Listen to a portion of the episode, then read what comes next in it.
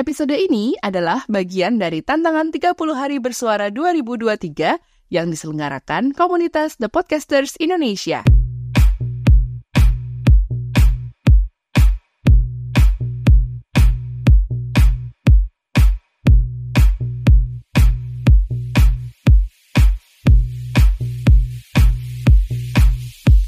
Assalamualaikum warahmatullahi wabarakatuh. Bu Ibu, 안녕하세요. 잘 지냈어요? 다시 만나서 반가워요. Artinya, Hai apa kabar Bu Ibu? Kabar baik kan? Senang bertemu kembali. Senang banget deh bisa mewarnai indera dengar Bu Ibu lagi hari ini. Anyway Bu Ibu, Perjalanan sampai ke akhir tahun ini bisa dibilang udah tinggal menghitung hari aja ya. Gak kerasa udah mau ganti tahun. Rasanya campur aduk gak sih? Mau ganti tahun gitu? Campur aduk gak bu? Apalagi kalau kita recall ya memori-memori kita atas kejadian-kejadian dalam hidup kita selama setahun ini. Pasti banyak banget pelajaran dan juga hikmah yang bisa kita dapatkan, ya kan? Kalau aku sendiri, beberapa lesson learned dan hikmah dalam setahun belakangan ini adalah soal bertahan. Bertahan dari apa? Dari apa aja? Apalagi kemarin-kemarin tuh ada satu peristiwa yang benar-benar bisa kita ambil pelajarannya, yaitu bagaimana rakyat Palestina bertahan dalam situasi yang buruk, sangat-sangat buruk. Mereka itu harus bertahan hidup dari serangan tentara Israel yang sampai sekarang pun masih melakukan serangan-serangan yang meluluhlantakkan Palestina. Mungkin kalau kita melihat ke diri sendiri, seolah-olah usaha bertahan hidup kita itu nggak ada apa-apanya ya, dibanding rakyat Palestina saat ini. Tapi meski begitu, aku yakin bahwa every person has their own battle and struggle. Dan gimana cara tiap individu itu bertahan, pasti punya survival mode masing-masing. Nah, kalau ibu, survival mode ibu apa? Dan demi apa sih kita itu harus tetap survive? Demi apa kita harus terus bertahan? Nah, kita ngibril-ngibril sejenak yuk di sini dalam podcast Bu Ibu bareng aku Ibu Ino. Podcast Bu Ibu. Podcast Bu Ibu by Ibu Ino. Podcast Bu Ibu by Ibu Ino.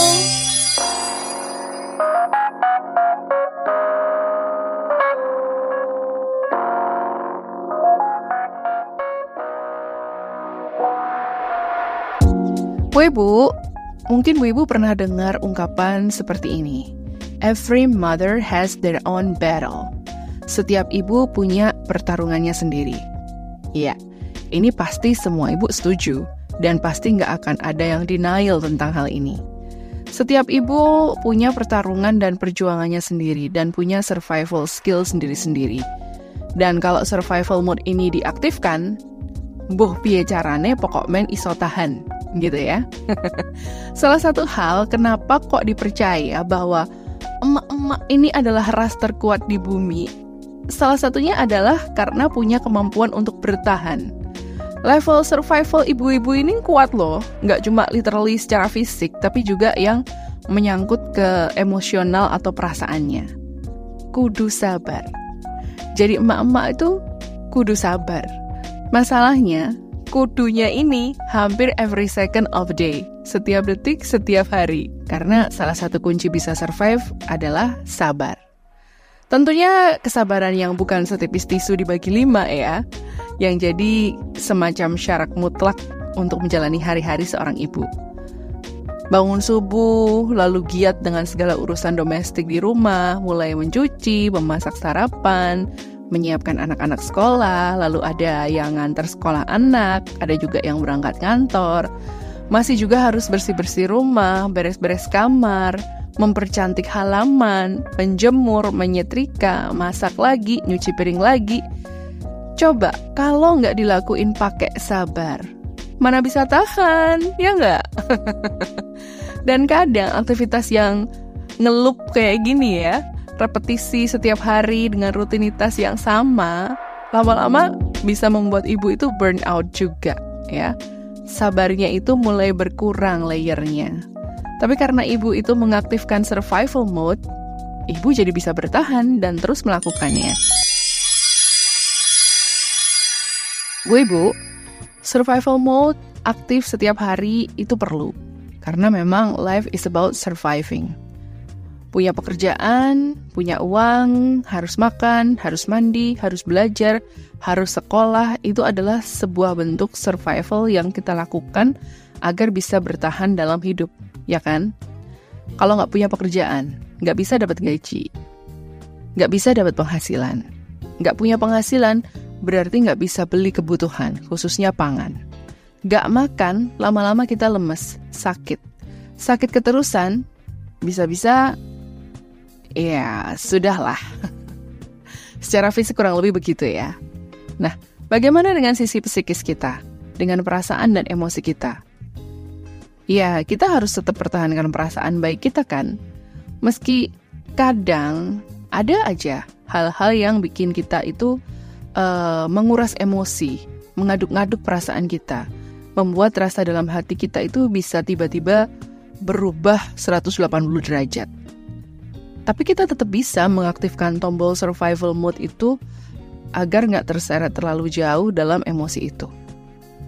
Karena emosi negatif juga nggak baik dalam sistem pertahanan diri kita. Kita sedih, berarti ada sisi sentimental kita yang disentil. Tapi juga bisa berarti pertahanan kebahagiaan diri kita udah jebol. Bisa karena luka fisik, bisa karena tersakiti perasaannya, bisa karena sisi mellow kita tersentuh. Jadi memang penting juga kita harus bisa membuat pertahanan yang cukup agar tembok kebahagiaan diri kita ini tetap utuh. Tapi kalau nggak ada sedih, bisa jadi tidak akan men-trigger kita untuk kembali menata bata kebahagiaan kita yang sedikit runtuh supaya bisa kokoh lagi. Jadi, sebenarnya hal ini saling melengkapi ya agar muncul satu pertahanan yang baik dalam diri kita. Begitu juga kalau kita marah. Marah ini biasanya karena kita udah nggak bisa bertahan dengan tekanan, dengan pressure. Dan pressure ini tuh bisa berarti apa aja. Seringnya adalah tekanan batin. Pertahanan batin kita udah sesak ditekan. Akhirnya kolaps. Dan keluarlah emosi kemarahan kita kekecewaan, harapan yang gak kunjung terwujud, janji-janji yang teringkari, itu bisa jadi faktor penyebabnya. Tapi Bu Ibu, itu pasti langsung mengaktifkan tombol survival mode lagi agar tidak berlarut-larut dalam amarah. Apa sih tombol survival mode ini? Akal sehat. Akal sehat membantu Bu Ibu bisa tetap bertahan di situasi yang paling sulit. Akal sehat akan membuka pikiran kita untuk bisa jernih lagi, sehingga bisa mengambil tindakan yang tepat setelahnya. Akal sehat, jiwa yang sehat akan membuat bu ibu itu bertahan dan terus berjuang buat memenangkan pertarungan. Ibu sedih karena anak sakit nggak sembuh-sembuh misalnya, padahal udah diobatin. Nah, Akal sehat ibu berpijar lampunya, membuat ibu kemudian membawa anak ibu ini ke dokter lain uh, supaya bisa dapat second opinion, terus diperiksa ulang dan dapat obat lain. Itu salah satu contoh ibu memakai akal sehat buat bertahan. Kalau nggak pakai akal sehat, kan bisa aja cuma nunggu, nunggu, dan nunggu. Kapan si anak ini sehat kembali? Nggak ada usaha cari dokter lain atau cari obat lain misalnya. Padahal si anak ini udah getting worse gitu. Nah, ini jauh dari bertahan. Satu lagi yang memang patut untuk dipertahankan, yaitu pernikahan. Ini perlu sangat dipertahankan. Makanya kan kita usahakan dengan berbagai cara untuk memupuk cinta gitu katakanlah. Saling memuji, saling memeluk, saling mencium, sesekali hanya berduaan dengan suami untuk date night misalnya. Karena pernikahan itu kan ibadah seumur hidup. Eh, tapi kalau suaminya toksik atau selingkuh atau KDRT gimana? Apakah masih harus bertahan? Kan banyak tuh istri-istri yang katanya masih bertahan demi anak-anaknya. Well, permasalahan pernikahan itu adalah antara suami dan istri ya, jadi harus diselesaikan berdua. Jika memang secara akal sehat kelakuan suami itu udah nggak bisa diterima, ibu sudah merasa tidak tahan lagi, nggak bisa bertahan lebih lama lagi, ya selesaikanlah. Selesaikan tanpa harus menyakiti perasaan anak-anak.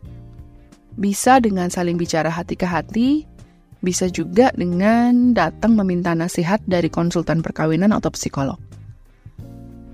Bagaimana kalau sudah benar-benar tidak bisa bertahan? Apalagi dari physical abuse dan juga verbal bullying dari suami? Please, Bu, please. Gunakan akal sehat untuk mempertahankan dirimu dan anak-anakmu. Ya. Gunakan akal sehat untuk mempertahankan dirimu dan anak-anakmu. Itu yang bisa aku katakan. Yang jelas tahun 2023 ini, untuk aku sendiri, aku belajar banyak tentang proses bertahan. How to survive anything. Bahwa memang kita harus banyak-banyak membuka mata, buka telinga, buka hati, dan juga buka pikiran agar proses bertahan itu kita yang kendalikan. Ya, you know what? Aku harus melalui tahun ini gitu ya dengan nangis-nangis. Harus berhadapan dengan sebuah kekecewaan yang benar-benar bikin aku kecewa banget gitu.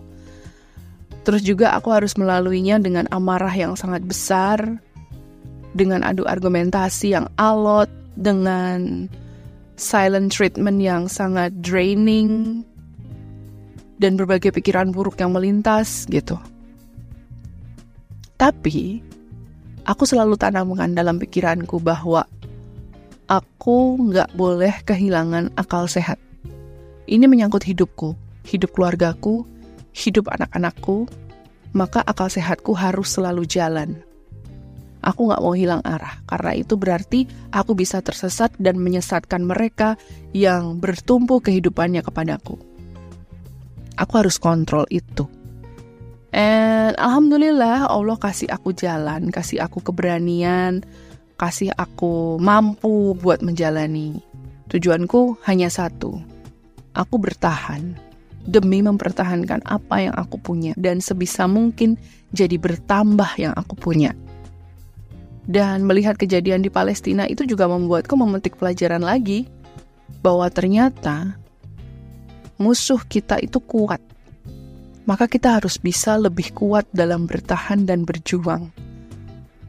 Rakyat Palestina juga punya keyakinan besar bahwa pertolongan Allah yang Maha Besar akan datang untuk mereka, sehingga mereka pun tidak menyerah gitu aja. They show us the truly struggle and survival. Dan itu juga membuatku harus bisa seperti itu gitu loh. Uh, bahwa I have to struggle I have to survive to win the battle gitu. Kita doakan ya, semoga segera berhenti uh, genosida ini supaya Palestina juga segera bebas. Aku doain juga buat Bu Ibu, mudah-mudahan selalu diberi kemudahan dalam berjuang dan juga bertahan. I love you Bu, sarang heo. Thank you ya Bu ya, sudah bareng-bareng sama aku dalam episode kali ini. Aku Ibu Inung. Kita ketemu lagi di episode berikutnya tentunya lewat podcast Bu Ibu.